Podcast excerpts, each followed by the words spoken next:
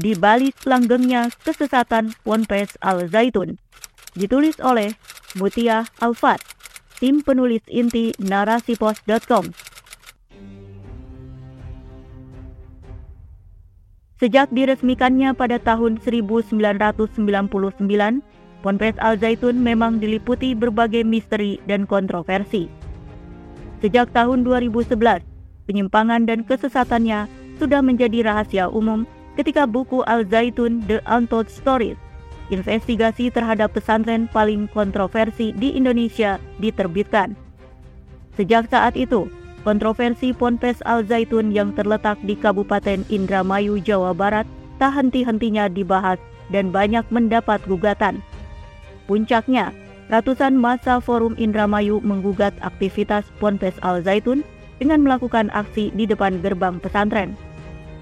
Seruan aksi tersebut menuntut agar MUI dan Kemenag mengusut tuntas dugaan ajaran sesat Al-Zaitun seperti tindak pidana pemerkosaan atas inisial KR, hak kepemilikan tanah yang diduga merampas hak rakyat, dan menghentikan pembuatan dermaga khusus Al-Zaitun. Kesesatan Ponpes Al-Zaitun Ponpes Al-Zaitun dipimpin oleh Abu Toto alias Abdus Salam Rashidi Panji Gumilang MP Pesantren ini berdiri di atas lahan seluas 1.200 hektar dan memiliki bangunan masjid seluas kurang lebih 3.000 meter persegi. Sejak era 1900-an dan awal 2000-an, sebenarnya sudah banyak suara miring dan laporan disampaikan oleh berbagai elemen masyarakat terkait keanehan pesantren ini, mulai dari Forum Ulama dan Umat Islam Indonesia FUUI hingga MUI. Akhir-akhir ini kontroversi Al Zaitun mulai mencuat ketika video yang memperlihatkan perempuan, yaitu istri Panji Gumilang, berada di saf depan sejajar dengan laki-laki ketika melaksanakan sholat. Berdasarkan keterangan video tersebut diambil ketika jemaah Al Zaitun melaksanakan sholat Idul Fitri di Masjid Rahmatan Lil Alamin.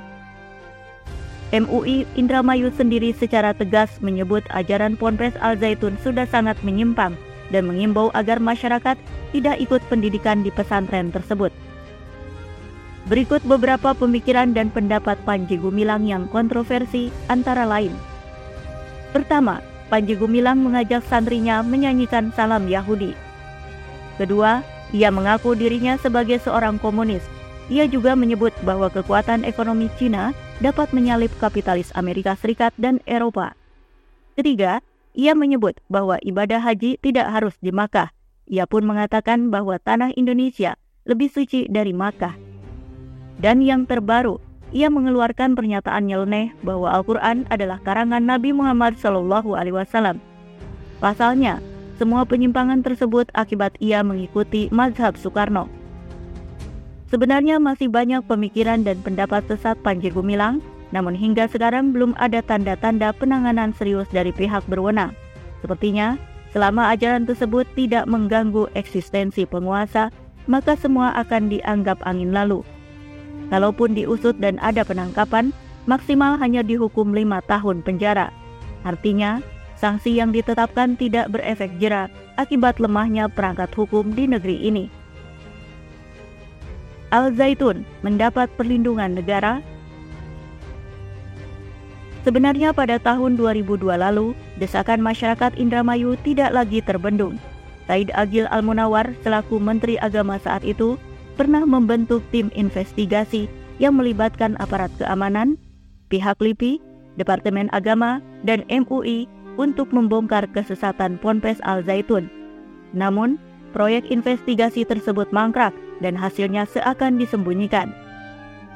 Kemudian MUI Jawa Barat dan Aceh Hasan Sazili selaku Wakil Ketua Komisi 8 DPR RI fraksi Golkar pernah mengusut Ponpes Al Zaitun, namun selalu mendapat sejumlah kendala yang menghambat proses penelusuran. Anehnya, setelah terkuaknya fakta kesesatan Ponpes Al Zaitun, dukungan dan pujian kerap dilontarkan oleh para pejabat pemerintah terhadap pesantren yang disebut-sebut termegah dan terbaik se-Asia Tenggara ini. Bahkan, Panji Gumilang sempat membahas aliran dana yang diperoleh dari negara melalui berbagai skema bantuan. Dia mengungkapkan kalau dihitung dalam setahun jumlahnya bisa mencapai 34 miliar rupiah.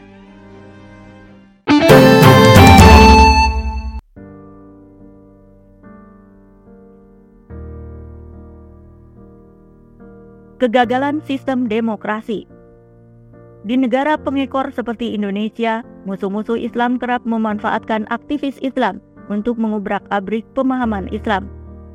Mereka mengemas ajaran Islam, mencampur adukan kebenaran dan kesesatan agar umat tertipu. Sejatinya, inilah akibat jika penguasa dan para pemangku kebijakan berpaling pada Islam dan malah bangga dengan sakofah asing. Selain itu, ada beberapa faktor yang memicu tumbuh suburnya aliran sesat, seperti minimnya pemahaman agama Islam. Panji Gumilang yang melontarkan pernyataan nyeleneh bahwa ia bermazhab Soekarno semata-mata akibat minimnya pemahamannya mengenai mazhab. Sebab mazhab adalah metode tertentu dalam istimbat atau penggalian hukum dari Al-Quran dan As-Sunnah yang dirumuskan oleh seorang imam mujtahid mutlak. Karena itu, mazhab Soekarno tidak memenuhi definisi mazhab dan memang tidak pernah ada. Kemudian, lemahnya amar ma'ruf nahi mungkar di tengah-tengah umat. Masifnya aliran sesat di Indonesia membuktikan bahwa aktivitas dakwah oleh organisasi-organisasi Islam belum menjangkau seluruh kalangan masyarakat. Tumbuh suburnya berbagai ajaran sesat di Indonesia tidak bisa dilepaskan dari penerapan sistem demokrasi sekuler yang menjadikan kebebasan sebagai pilar terpenting dalam kehidupan berbangsa dan bernegara. Kebebasan beragama, berekspresi, dan berpendapat telah memicu lahirnya berbagai ajaran dan aliran sesat yang menyimpang dari ajaran Islam. Sebenarnya, setiap sistem memiliki mekanisme untuk mempertahankan dan mengokohkan kekuasaannya, tak terkecuali demokrasi kapitalisme. Ideologi kufur ini tidak akan memberikan ruang sedikitpun bagi penerapan syariat Islam kafah atau perubahan yang sifatnya fundamental. Tak heran, sistem demokrasi akan selalu memberi karpet merah bagi siapa pun yang mendukung ideologi kapitalisme.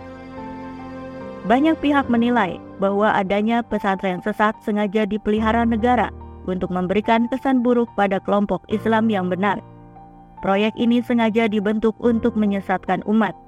Alhasil, umat Islam akan menyimpang dari kebenaran dan memperbesar ketidakpercayaannya terhadap ideologi Islam.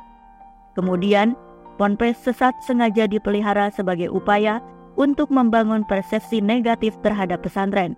Alhasil, para orang tua khawatir untuk memasukkan anak-anak mereka ke pesantren. Strategi Islam melindungi agama.